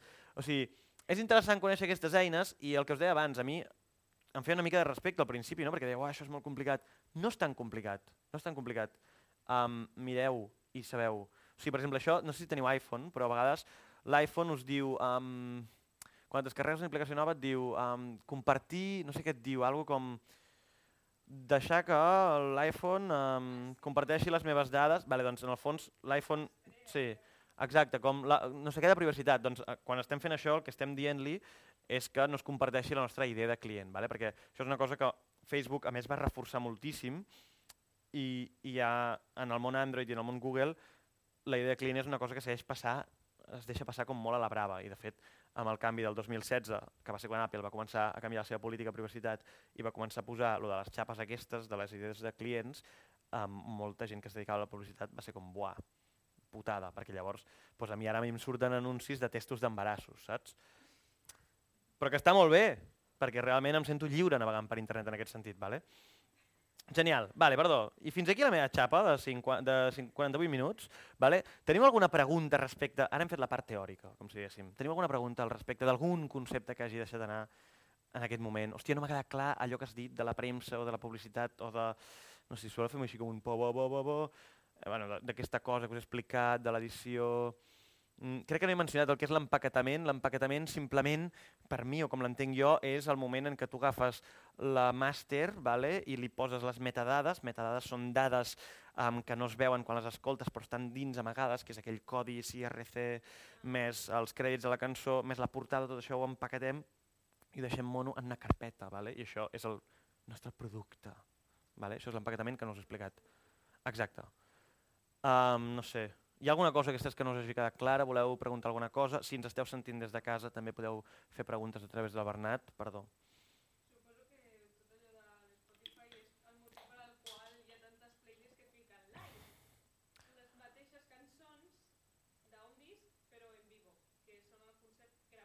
Vale. O sigui, la teva pregunta és per què existeixen cançons live a Spotify? Supo sí, O més que pregunta reflexió, vull dir... Que, que... sí, és més com, suposo que un dels motius, Uh -huh. a veure, que segur que hi ha gent que li agrada perquè és més en vivo, Sí. i O sigui, no, bàsicament el que hem de pensar en aquest sentit és que com més les can... vull dir, com més productes tinguis d'una cosa, més diners faràs, més gent les escoltarà. O sigui, quants cops ens ha passat que estem escoltant un artista i sentim la cançó del disco, passen dos o tres cançons més i tornem a sentir la mateixa cançó en live i ens la traguem perquè ens fa pal, perquè estem rentant els plats i ens fa pal passar-la. Doncs bueno, com més coses tinguis, millor. En aquest sentit. Perdó, digues. El el el, el Xiaomi. El vale? Xiaomi, no l'iPhone, tinc el Xiaomi. Vale. El Xiaomi, com que crec que funciona amb Android, doncs no té tant la, la, la part aquesta, és a dir, estàs més exposat a vendre, entre cometes, la teva, la teva idea de client o de navegador. Hi ha coses com, el, com alguns navegadors, com el Tor, per exemple, que et bloquegen, o si vols fer servir un, un emmascarador de la teva IP, doncs són coses que són útils si realment estàs preocupat per això. Però no pateixis perquè mm, la teva targeta de crèdit, um, si fas servir una targeta de transport, saben les teves dades, o sigui, no preocupis molt. Però, si et poses friqui, hi ha coses, vale? Llavors, jo el que us proposo a continuació, hem arribat a la meitat de la xerrada, l'Equador, és fer un viatge en el temps. Això és un cotxe. Vale, és una referència. Perdó, digues. Pregunta des de casa. Ara és quan... No la sé. Vale? Sí?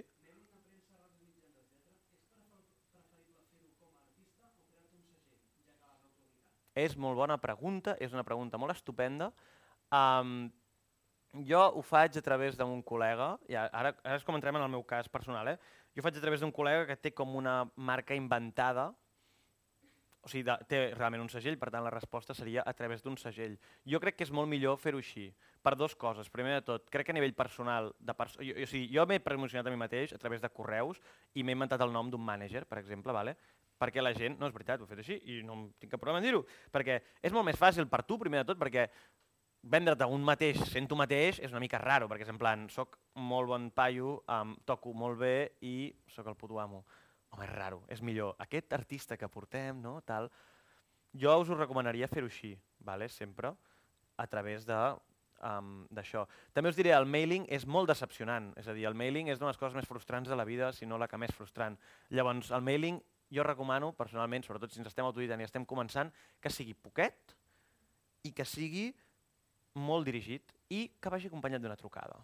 Vale? Sobretot si són ràdios públiques, i no vull faltar ningú, però ràdios públiques majoritàriament són integrades per funcionaris. Funcionaris que molts cops són molts en una redacció per una ràdio relativament petita amb una audiència minoritària i això vol dir que són gent que té bastant temps. Per tant, si tu els truques i els tractes bé, segurament et voldran entrevistar, et voldran gravar un acústic o el que sigui. No? Vull dir, hem de ser conscients d'aquestes coses i, i tal. Um, també a la vegada les ràdios públiques són una de les coses molt xules que tenim en aquest país i que comparat amb altres regions d'Europa no existeixen i que són una de les parts com un engranatge de periodisme que està molt xulo, que, que, és, que és guai perquè doncs, els que en algun moment jo vaig entrar a la ràdio amb 15 anys, per exemple, vaig tenir l'oportunitat de poder parlar des del primer dia i després estar treballant amb ràdios més generalistes.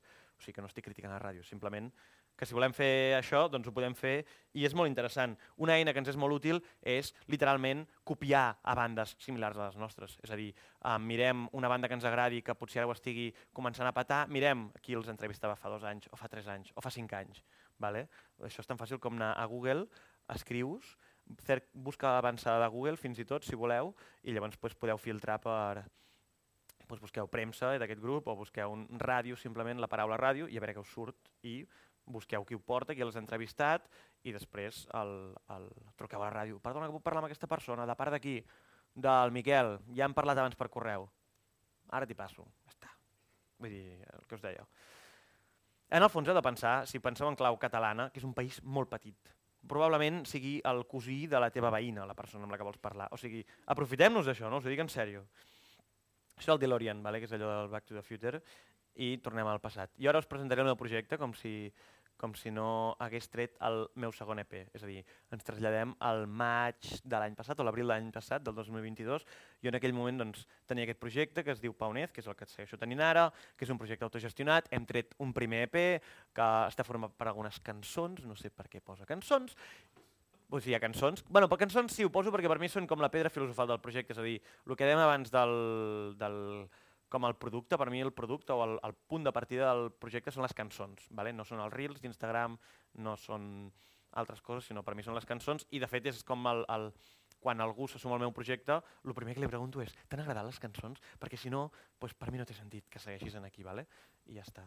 Um, i llavors els canals per obtenir públic doncs, és Spotify principalment i per ordre d'importància, um, els concerts, perquè uns concerts, no ens enganyem, és un lloc on captes molta gent, doncs perquè et ve veure no sé qui, perquè una persona passava per allà, perquè he vist el cartell i tenia curiositat, concerts són una molt bona eina per, per captació de públic, Instagram em serveix bastant també per captar públic, doncs pel que sigui, i després la ràdio i la premsa, doncs a vegades doncs fas una entrevista o et punxen a algun lloc i veus que t'ha començat a seguir gent a Instagram i que les visites a Spotify pugen.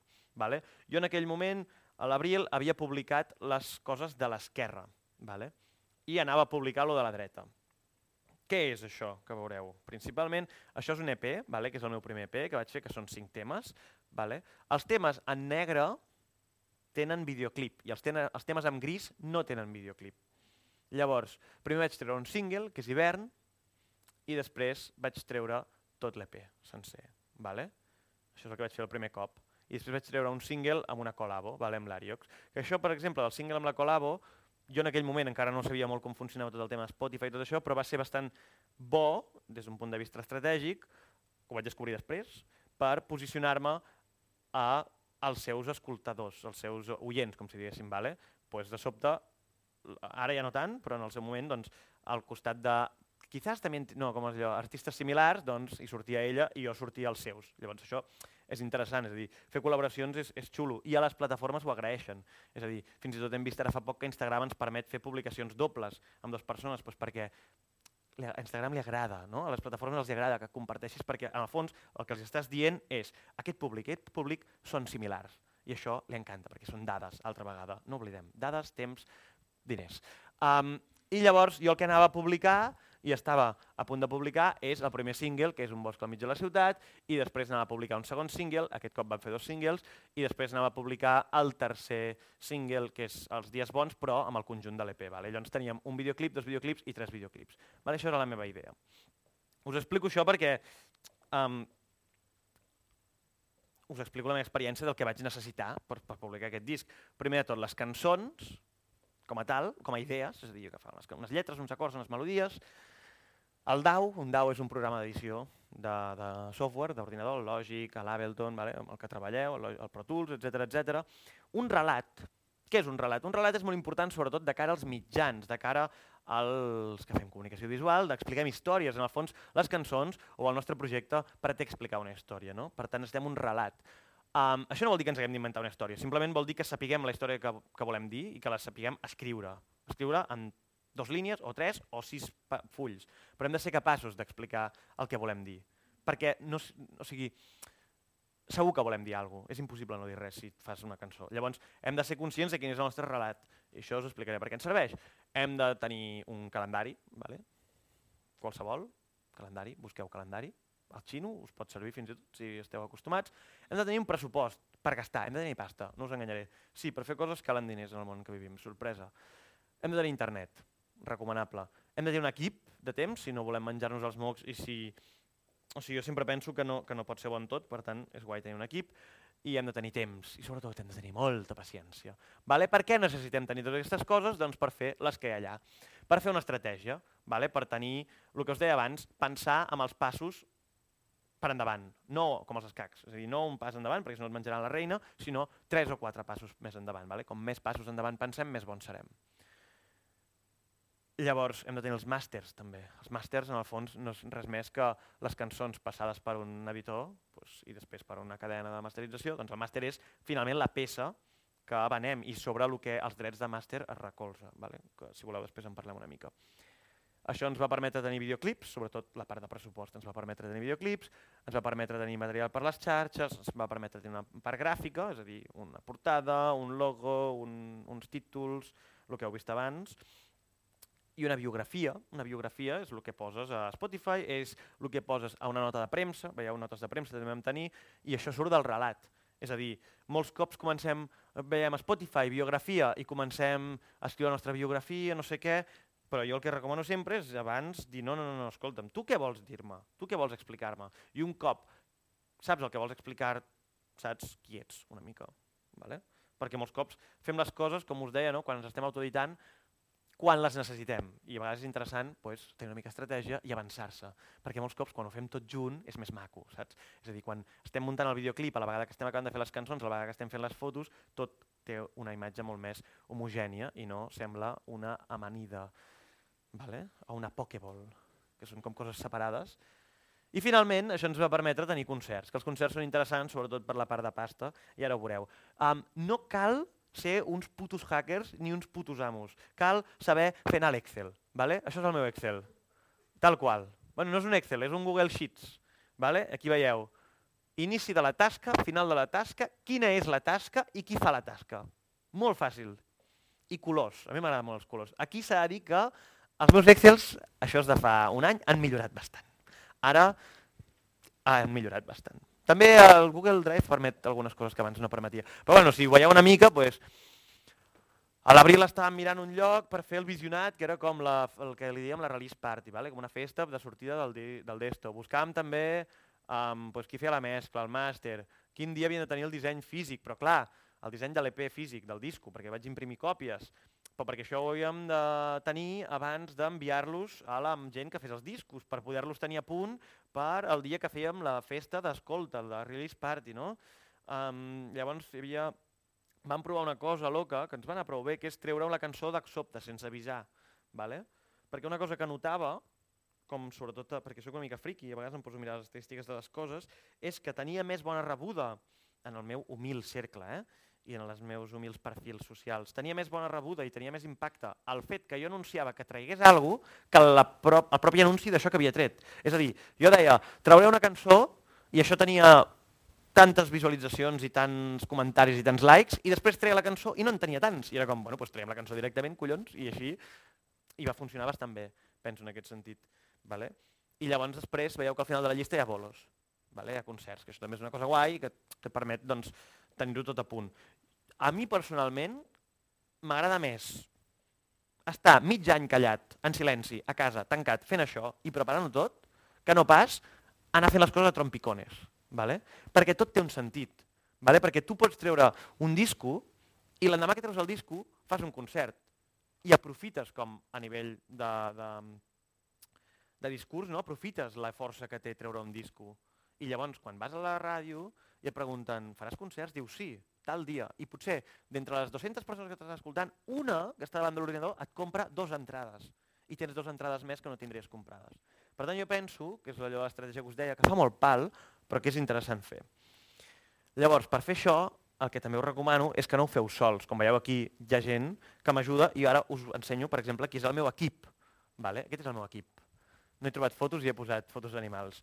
Um, importants figures, um, doncs, per exemple, el Guillem és el mànager, vale? és la persona que està al meu costat, és un tio que no es dedica professionalment a portar-me, però és un tio que entén una mica de la indústria i que entre els dos doncs, portem el projecte vale? i m'ajuda molt en aquest sentit i ell m'ajuda a coordinar les diverses coses i quan un post d'Instagram té una falta m'ho diu i quan creu que és hora de que fotem ja un concert s'hi posa.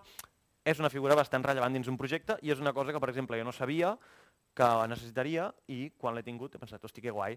Figures importants també veiem aquí la Saia l'Arnau, que són la, una parella creativa, que són la que fet, els que m'han fet la direcció d'art de tot. Vale? És a dir, ells han pensat com serà el videoclip i a la vegada com serà la portada i a la vegada com seran els crèdits i com serà la sessió de fotos i així tot respira una imatge pues, única. No?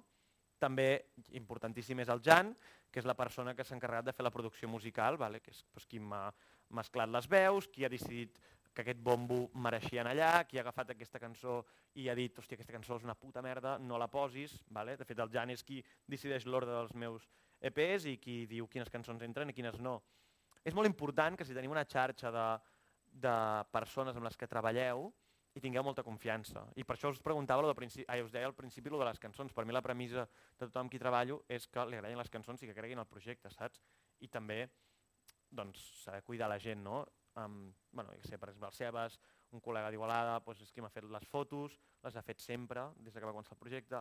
L'Almirall també ens ha fet el màster, la Tinderia ajuda el Guillem amb el tema de les bolo, dels bolos, el Xavi és qui ens ha fet la premsa, juntament amb la Valèria, tot el tema de les newsletters, això que parlàvem, el Biel ens ha fet la distribució, vale? que la distribució és això que us explicava el DistroKit, que és penjar-ho a internet. Jo no em volia arriscar a, a fer-ho jo sol, vale?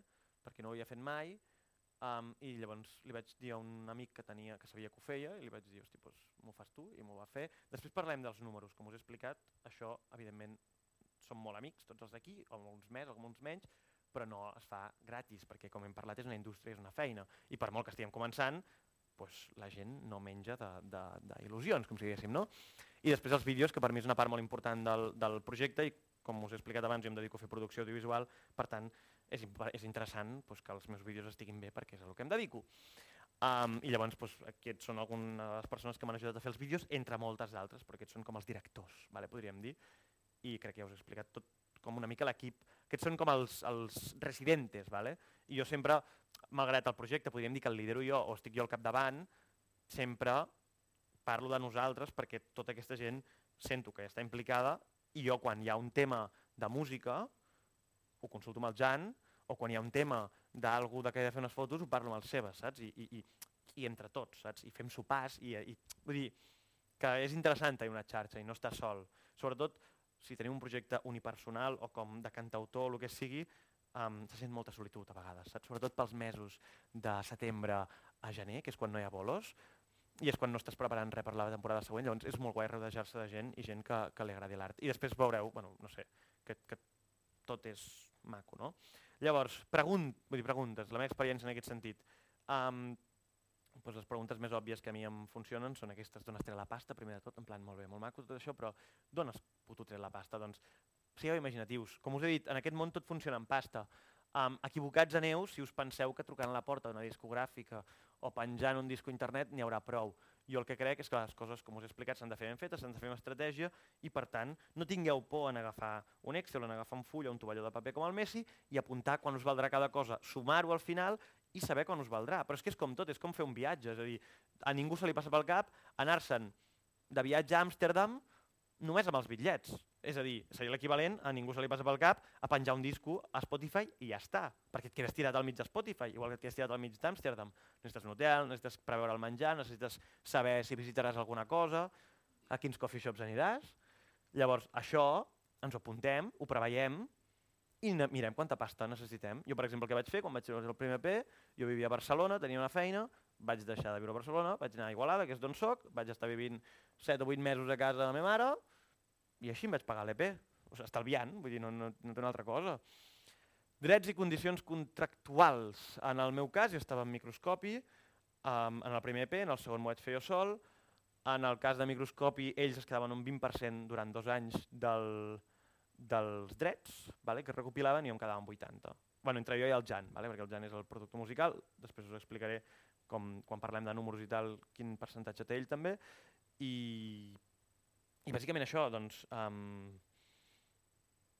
aquestes són les condicions que vaig tenir amb aquesta discogràfica, són les condicions molt generoses. Vale, perdó, el 20 i el 80 era sobre els drets d'autoria, vale? és a dir, els drets que tu tens com per, per crear una cançó, i després sobre els drets de màster teníem 50 i 50. Però la gràcia d'aquesta discogràfica, que és microscòpic, us recomano bastant àmpliament si voleu començar, um, és, um, la gràcia que estem, és que són molt hippies i molt bona gent, i tots els contractes són rescindibles al moment. Vale? Que a la vegada també des del punt de vista legal és una cosa estúpida perquè un contracte, si és rescindible en qualsevol moment, no és un contracte. De fet, li vaig portar un advocat i em va dir això... O sigui, perquè realment si una cosa es pot rescindir en qualsevol moment no cal firmar-la, però bueno, de veritat, són majos i, i, i a més si mai teniu algun dubte d'assessorament, bueno, el noi que ho porta, us puc passar el seu contacte, és bastant crac en temes de, de discogràfiques i tal. Per acabar, una altra pregunta que és bastant òbvia que molta gent me la fa, que és les edicions en físic, què tal? En plan, com van? Pues, uh, a mi m'agrada tenir-los perquè sóc una mica romàntic i perquè pues, pues, m'agrada tocar i sobretot m'agrada, i ho agraeix molt sobretot la gent que es dedica a fer la part gràfica, agraeix que després ho puguin tocar, no? perquè se'l posen allà a casa, no sé què. Um, del primer disco em van fer 150 discos i del segon em van fer 300 i les dos s'han acabat ràpid. Heu de pensar que si feu um, premsa, doncs, probablement 40-50 discos ja els enviareu a redaccions de premsa, a el que us deia, no? a gent que munta vídeos perquè us posin les cançons, a qui sigui, no? Fins i tot, jo que sé, una cosa que a vegades faig és tenir un disco sempre dins la moto, per si mai et creues pel carrer, un dia vaig creuar amb el guitarrica de la Fuente i no el portava, tio, i, i és en plan, li haguessis pogut donar el teu puto disco i no el portava. Bueno, els discos també per aquestes tonteries, saps? Jo penso, i, i jo recomanaria fer-ne, encara que sigui poquets. No és tan car, ¿vale? I també és una bona eina de vendre els, els concerts, sobretot si són concerts gratuïts, doncs la gent li agrada deixar-se a vegades diners i és una bona manera de, de fer diners. Tampoc us fareu risc, eh, rics venent discos, però bueno. Llavors, els concerts, vale? poso aquesta foto perquè m'agrada molt, és una foto del de, moment en què es va fer aquell concert prova pilot al, al, al Palau Sant Jordi, i era com el primer concert que es feia en dos anys, que va ser més o menys com vaig fer aquest cop aquesta primera xerrada. Els concerts són importants i són interessants per un projecte autogestionat i autoeditat perquè principalment són la font d'ingrés. Vale? Això no vol dir que hi anem a guanyar moltíssim en els concerts, però vol dir que de les diferents coses que he explicat, sobretot si esteu començant, és on hi haurà més marge de benefici. Vale? No hi ha un benefici gegant, però és on hi ha més marge de benefici. Vale? Anem a la següent diapositiva. Anem a entrar a Spotify, vale? anem a entrar al meu Spotify for Artists, però abans de tot, recordem un moment el que hem parlat de les playlists algorítmiques i playlist editorial. Recordem, playlist editorial són aquelles que nosaltres activament demanem fer un pitch, demanem entrar-hi a través de toc toc, hola, voldria entrar perquè crec que mereixo entrar en el gènere de música africana, en parla d'aquest, del no, el quechua, que és una parla també, no? pues mereixo entrar aquí i llavors ells t'hi posen i les playlists algorítmiques són aquelles que generen automàticament. Vale? Anem a mirar, en el meu cas, com ho hem fet això, ai merda, ara, és que és lo típic, com de classe, que ho has vist fer 60.000 vegades i quan ho fas tu... Vale, pues això és el meu Spotify... Ui, espera't, eh, que tinc, és que tinc tantes pestanyes obertes, vale. Vale, ara mateix eh, estem tristos perquè no hi ha ningú escoltant Paunez a hores d'ara. Vale. Però bueno, això és com es veu per dins el Spotify for Artists. Vale? És com l'Spotify normal, però el logo és de color com un rosa, vale? és aquest rosa d'aquí. I um, Mira, ara ens escolta una persona, cuidado. Xt. Ara la persona aquesta li hem parat la cançó. Um, no, no, és conya, és conya. O sigui, simplement és com que guardes... El... No, no, ja, ja, però fa gra... No sé exactament què fa aquest botó, però bueno, crec que és com que simplement si et varia molt aquest número, que és el meu cas basat de 1 a 0, doncs pots parar-ho i, i fer una foto, suposo, no sé. Vale. Aquí veiem, això és com la pàgina d'entrada. Vale? Aquí Spotify i les xarxes en general són molt transparents en el sentit de com us deia abans, volen que hi passis al mateix temps. Per tant, si som creadors de contingut d'una xarxa, en aquest cas doncs, de Spotify, som creadors perquè els hi creem contingut, um, et posaran facilitats perquè facis el contingut de la millor manera que ells vulguin, vale? perquè estigui perfectament i les coses siguin genials com ells les volen, vale? perquè així estarà més ben integrat, l'experiència serà millor i tindrà més usuaris. Llavors, doncs, si teniu interès, això són articles doncs, que us explica mm, pues això, com fer, um, bueno, aquí com cantar millor, no? però jo què sé, com editar les teves, um, això, no? com editar les teves, exacte, les teves lletres, o l'artist peak has expired, això ara us explicaré el que és i entre tots el canviarem, vale? el meu artist peak. Um, o Shopify, Shopify que és el, el que et surt ara, no? que als perfils de Spotify pots comprar directament um, articles, exacte. Això molts cops si tens una discogràfica t'ho fan ells, però si estàs tu sol t'ho fas tu. Vale. Les coses interessants en aquest menú pues, són aquestes d'aquí, vale? que són la música primer de tot. Aquí simplement hi ha totes les cançons publicades, ordenades per ordre de, de les que s'escolten més a les que s'escolten menys. Estem veient el que ha passat en els últims 28 dies, però podem canviar les últimes 24 hores, els últims 7 dies o tota la vida. Vale? Tota la vida doncs, veiem les cançons, aquí et diu pues, quants cops s'ha escoltat, quanta gent ho ha escoltat, um, el dia que la vas afegir, no?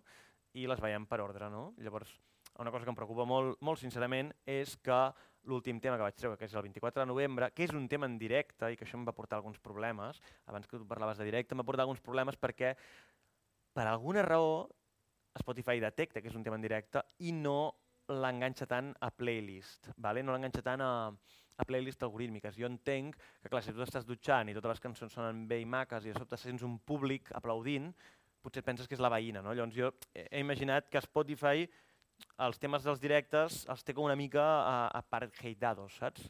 Llavors ara veurem com, com ho podem arreglar això una mica. Bueno, I aquí veiem una mica el que, el que ha funcionat més i el que ha funcionat menys al llarg del temps. No? Podem buscar si té una discografia molt llarga, aquí vale, en aquest apartat tenim cançons, tenim llançaments, això és els llançaments que crec que són els els que s'han anat fent, com us vaig explicar, vaig fer un single, després l'EP, després un altre single, després aquests altres dos singles i finalment l'EP i un altre single final, que és aquest tema en directe. S'ha sentit un molt fort, no sabem el que és. Sí. Um, playlist. Aquí veiem les playlists. Això és molt interessant. Um, això és la meva part preferida. Um, aquí veiem les playlists algorítmiques.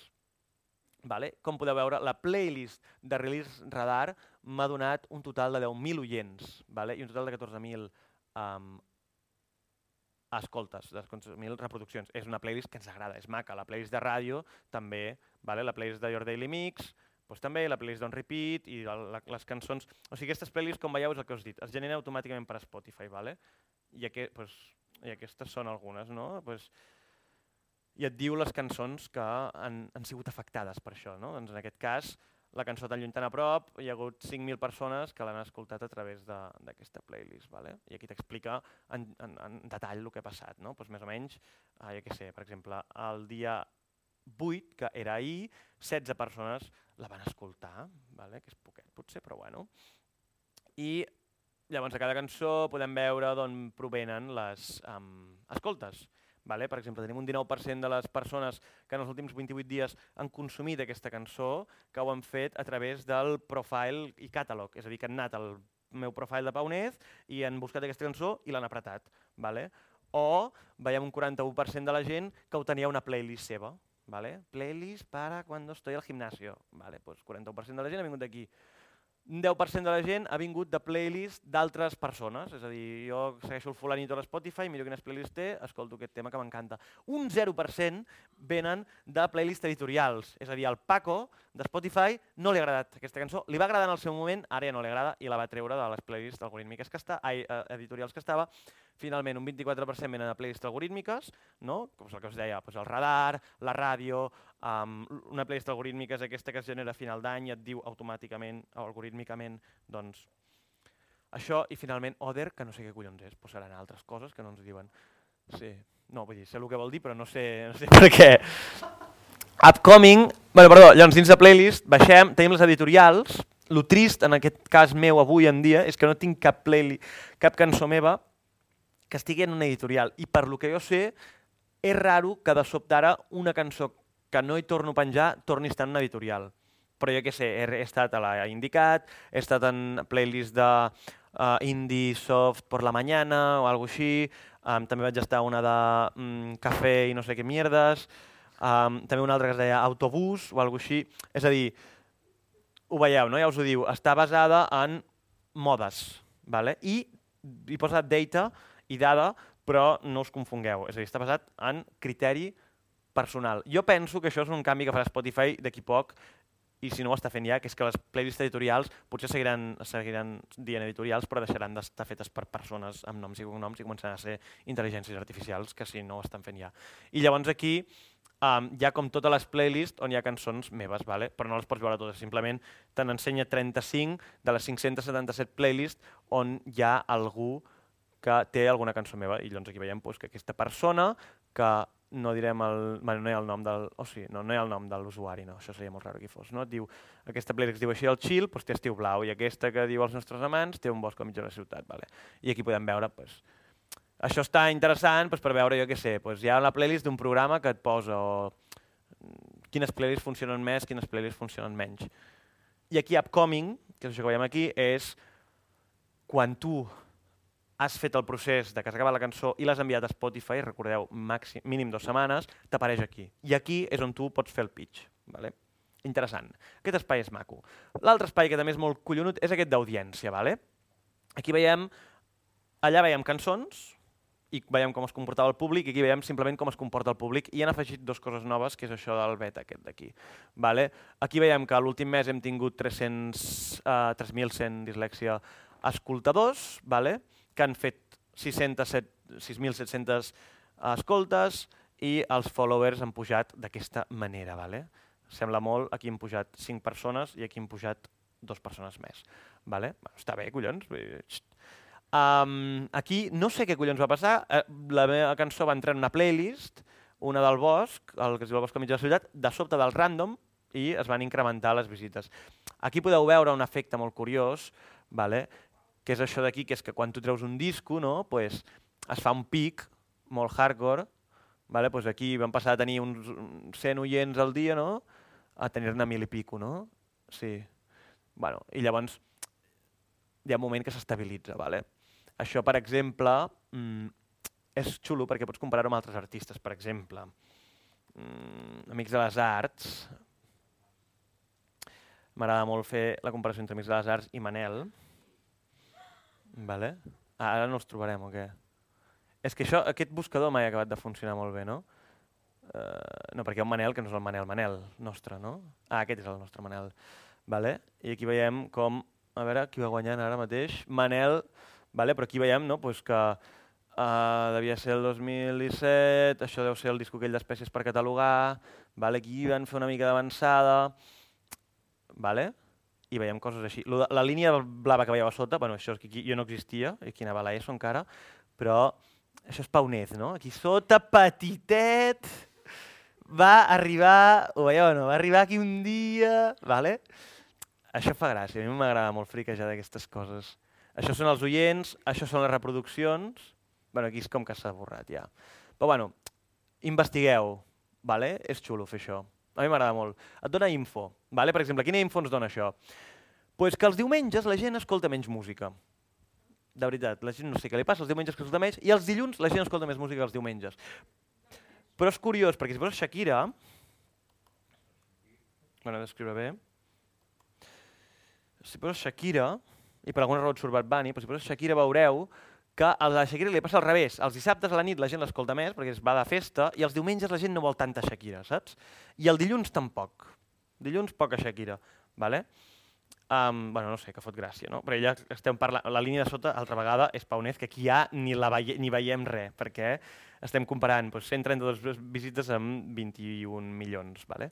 Bueno, Um, L'engagement, bàsicament, um, vol dir mm, com, com l'apego que té la gent a la teva cançó, vale? el que aconsegueixes arrastrar, i aquí, això és una cosa nova que l'estan està en fase beta, et fa com un, un gràfic així preciós de barres, que en el fons no és res més que el que us he explicat abans, eh? de, de on provenen les escoltes, però bueno, et diu, doncs jo què sé, aquí el que ens està dient és que, hòstia, mmm, no veiem cap canvi significatiu, simplement veiem que aquell pic que hi va haver la setmana passada va ser principalment perquè hi havia una playlist, Listeners on Playlist and Library, que va tenir doncs, una mica més de picada. Vale? Per tant, jo què sé, m'imagino um, unes persones d'unes colònies que van acabar les colònies el dia d'aquí i una va passar a la playlist de les colònies pel grup i durant aquella setmana tots van escoltar aquelles cançons i després se'n van cansar o es van acabar les colònies, jo què sé, no, m'acabo d'inventar, no en tinc ni puta idea.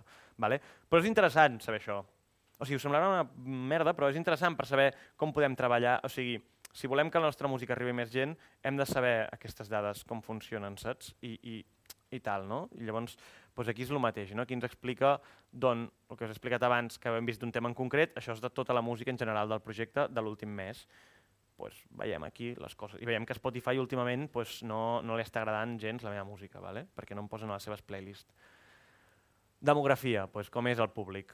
Um, ara mateix hi ha un 56% de públic femení, un 41% de públic masculí, un 2% de públic no binari i un 1% que no està especificat. Um, abans no era així, abans estava més igualat, últimament m'escolten més dones o més gènere femení que masculí, no sé per què serà. On m'escolta la gent? Curiós, vale? sobretot el que vindria a Espanya i gent de tot el món. Mm, què pot estar passant aquí?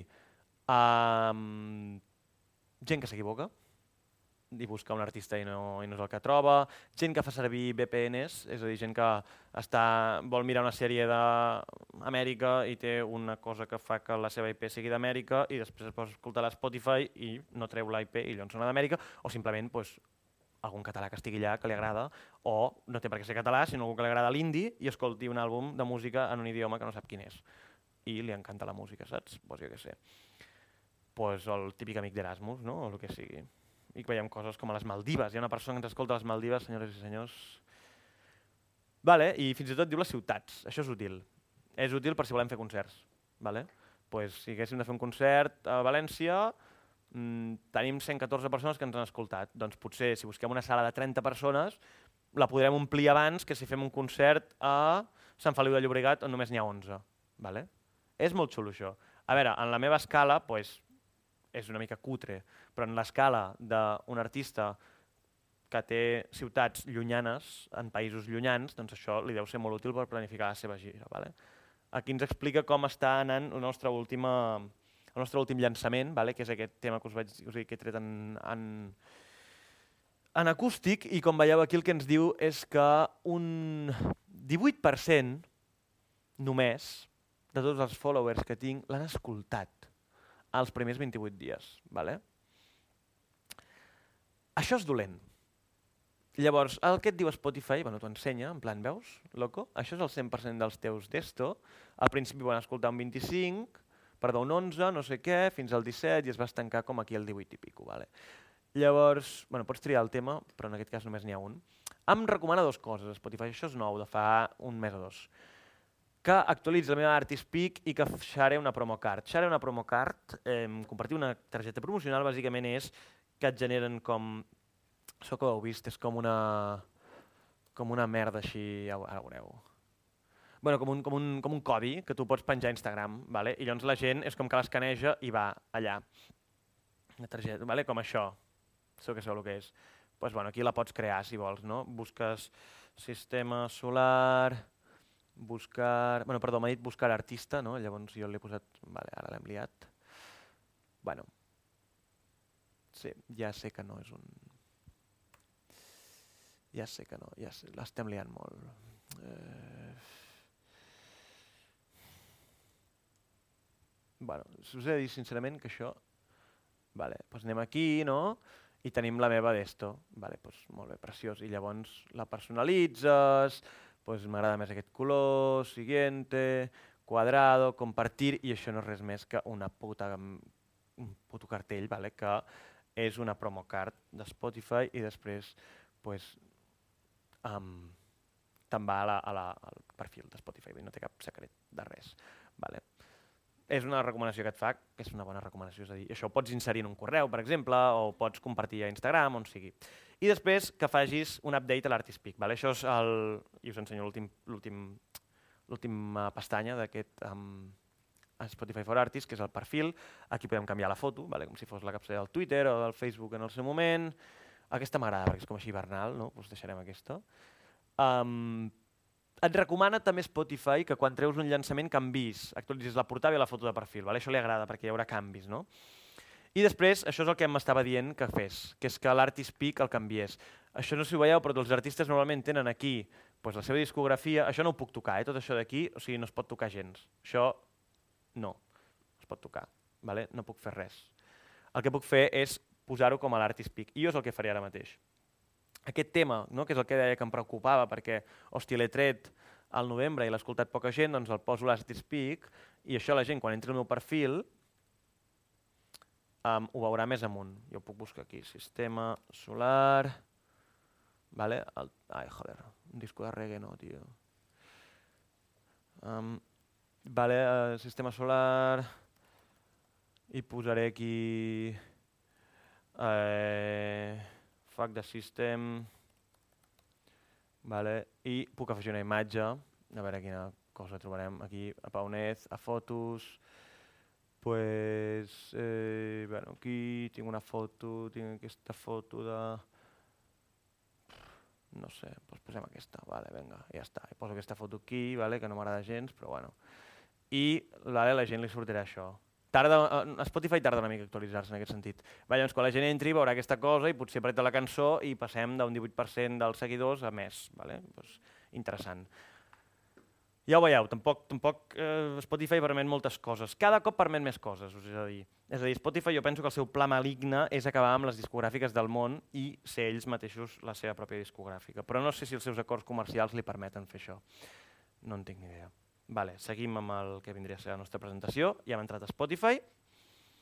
Um, eh, hòstia, sí que és tard, eh, collons. Vale, hem parlat de les playlists algorítmiques i tal. Vale, doncs eh, això ho deixarem aquí per la gent que ens... Eh, pel, pel que seria el vídeo. Vale? I ara, eh, com us he comentat, gràcies bueno, la gent que ho esteu mirant en, diferat, en diferit, eh, espero que... Ah, perdó. Estigui anant tot bé pel futur. Digues. Som-hi.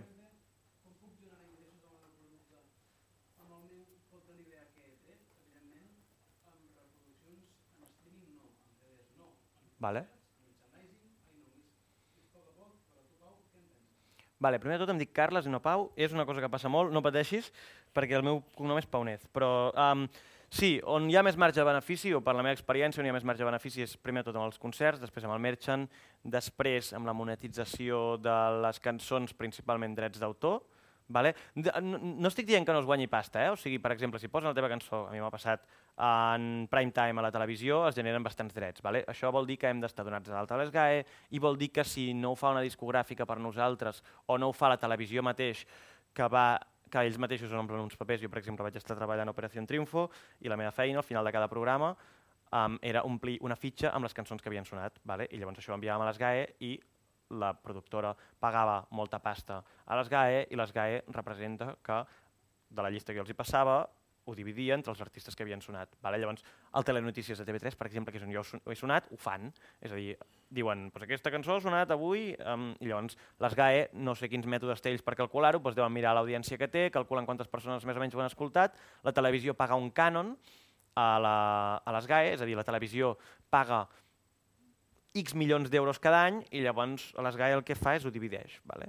Llavors, drets també és una bona forma de guanyar pasta. No us fareu rics a través dels drets d'entrada, però si teniu un tema que de sobte ho peta, doncs potser sí, saps? I finalment, el que no et dona gens de diners és les reproduccions. Vale? Si estàs començant i tens els números que tinc jo, que són 3.500 oients al mes a Spotify. Vale?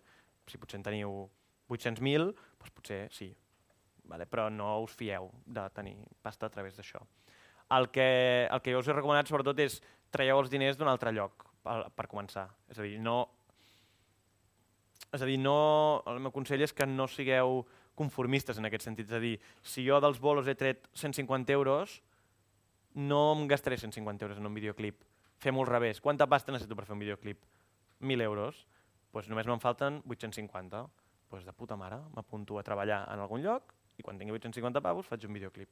És la meva proposta, feu el que vulgueu. Llavors, fins aquí la gent que ens estigui veient en el futur. I ara us parlaré una mica de, del que vindria a ser els números d'aquest projecte i així també responent a la pregunta